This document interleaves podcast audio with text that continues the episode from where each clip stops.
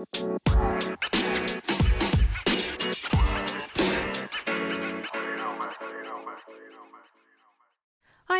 mijn naam is Janneke en welkom bij mijn Positief met Pubers podcast. De podcast waarin ik elke week vragen van ouders beantwoord over het opvoeden van pubers.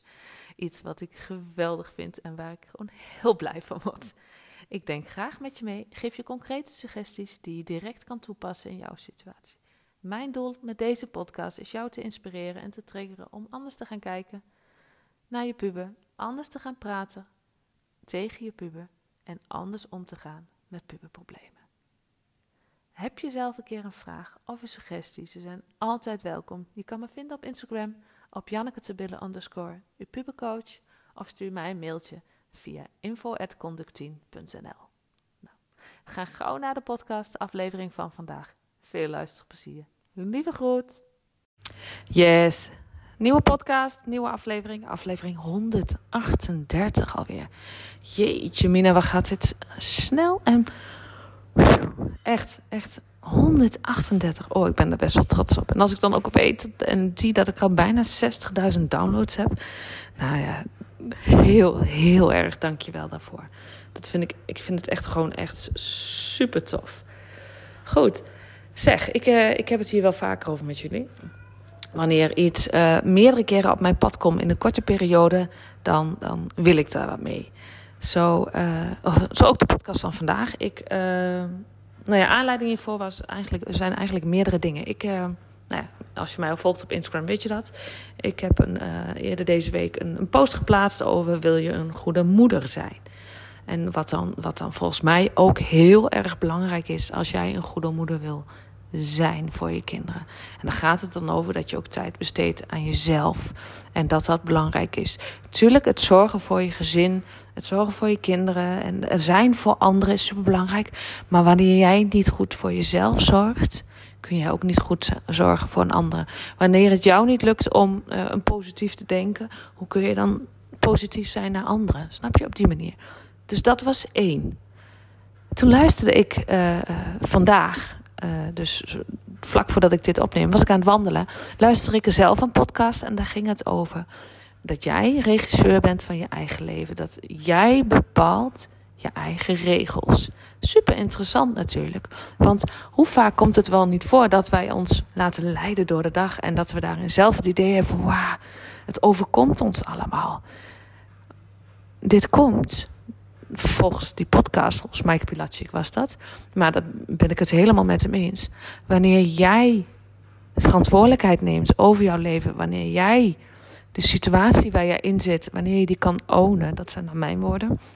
Wanneer je kan zien, oké, maar ik heb dit door mijn keuzes, door het maken van de keuzes of door de keuzes die ik gemaakt heb, heb ik hiervoor gezorgd dat de situatie is zoals die is.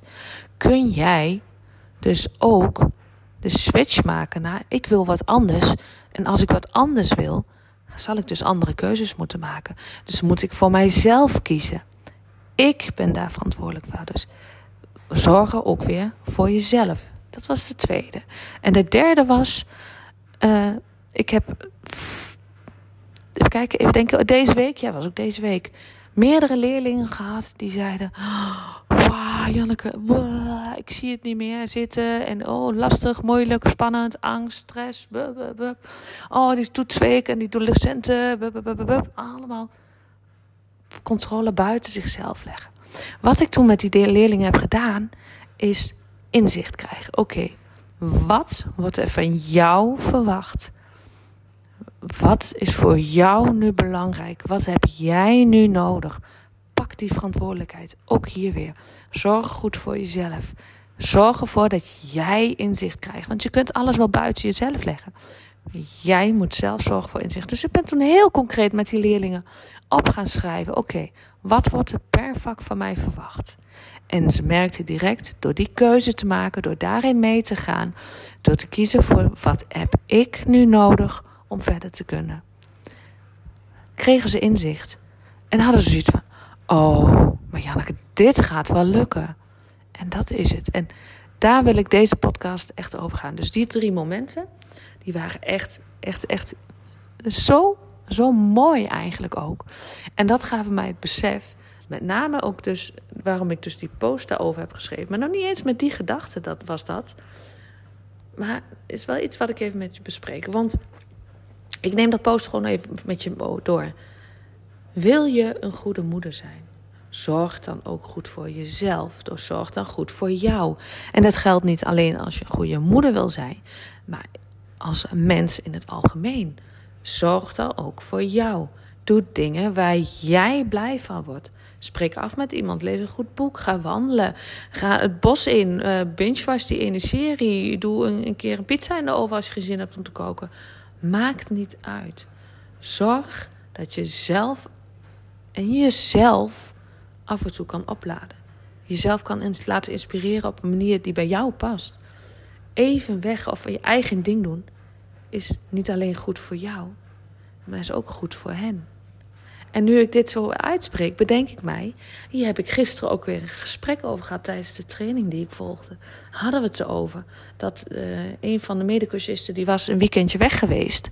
En die zegt van, oh, ik vind dat altijd wel een ding. En toen hadden we het erover, ja, en ik ken iemand die gewoon laatst een week alleen weg is geweest. Dat ik dacht van, wauw, een week weg. Dat lijkt me ergens heel gaaf, maar aan de andere kant denk ik ook, ik weet niet of ik dat wil. Of ik dat wil. Hoe mooi dat ook zal zijn. En hoe, misschien hoe goed dat ook voor mij is. Niet alleen voor mij, maar ook voor mijn gezin. Maar wil ik dat? En toen kwam ik tot de conclusie: nee, dat wil ik niet. Weet je, ik vind een weekendje weg met vriendinnen vind ik heerlijk. Vind ik super gezellig. Maar wat ik ook altijd heb is: ik vind het ook weer heel fijn om thuis te komen. Dus dat. Dus de sleutel naar goed voor jezelf zorgen en er kunnen zijn als moeder, als collega, als vriendin, is goed zorgen voor jou. En dit geldt voor jou, maar dit geldt natuurlijk ook voor je puber. En dit is ook iets wat ik die, die pubers waar ik het over had met het inzicht creëren over de toetsweek, waar we het over hebben gehad. De eerste vraag die ik hen stelde toen ze mij vertelden van... Oh, wat veel, ik heb er geen vertrouwen in, mijn focus is weg, ik weet niet waar ik moet beginnen en ik krijg het niet af, ik moet nog zoveel doen. De eerste is wat ik vraag, wat heb jij nu nodig van jezelf? Ja, duidelijkheid. De keuze. Oké, maar een, de antwoord op de vraag: wat moet ik nu doen om die toetsweek? En zorgen dat die spanning opboog, of die spanning en die stress, dat dat stressniveau omlaag gaat. Nou, ik, en, en dan is dus aan mij de taak. Hoe gaan we dat aanpakken? Of aan mij de taak, aan ons samen de taak eigenlijk. Hoe ga je dat aanpakken? Nou, en vaak is het even inzichtelijk maken van oké, wat wordt er nu van mij verwacht? Waar geef ik prioriteit aan? Waar wil ik mee beginnen? Op die manier. Jezelf goede vragen gaan stellen, met jezelf in gesprek gaan en dan keuzes gaan maken. Keuzes die voor jou op dat moment belangrijk zijn. Want hoe jij je voelt, doet het toe. Is super belangrijk. Hoe kan jij zorgen voor iemand anders als je niet goed voor jezelf zorgt? Dus hoe kun jij die persoon zijn die voor je kinderen, die ouder zijn voor je kinderen, als je jezelf constant vergeet? Super interessant, tenminste vind ik. En ik denk eentje die velen vergeten. Velen vergeten zichzelf. Want, oh, dat is misschien wel een hele interessante. Geef eens, eh, pak eens pen en papier erbij. En dan kun je zeggen, oh ja, dan, ja, oh ja, dat ga ik doen, en, maar niet doen. Maar als je in de gelegenheid bent, en als je bijvoorbeeld nu in de auto bent of, zit of aan het wandelen bent, uh, zet hem dan stop of luister dit dan straks even terug. Maar pak eens pen en papier en schrijf bovenaan de vraag: Wie zijn de belangrijkste personen in mijn leven? En maak eens een rijtje. Wie schrijf jij dan allemaal op? En, en weet je, ik, ik laat nu bewust even een pauze vallen, zodat je daarover kan nadenken.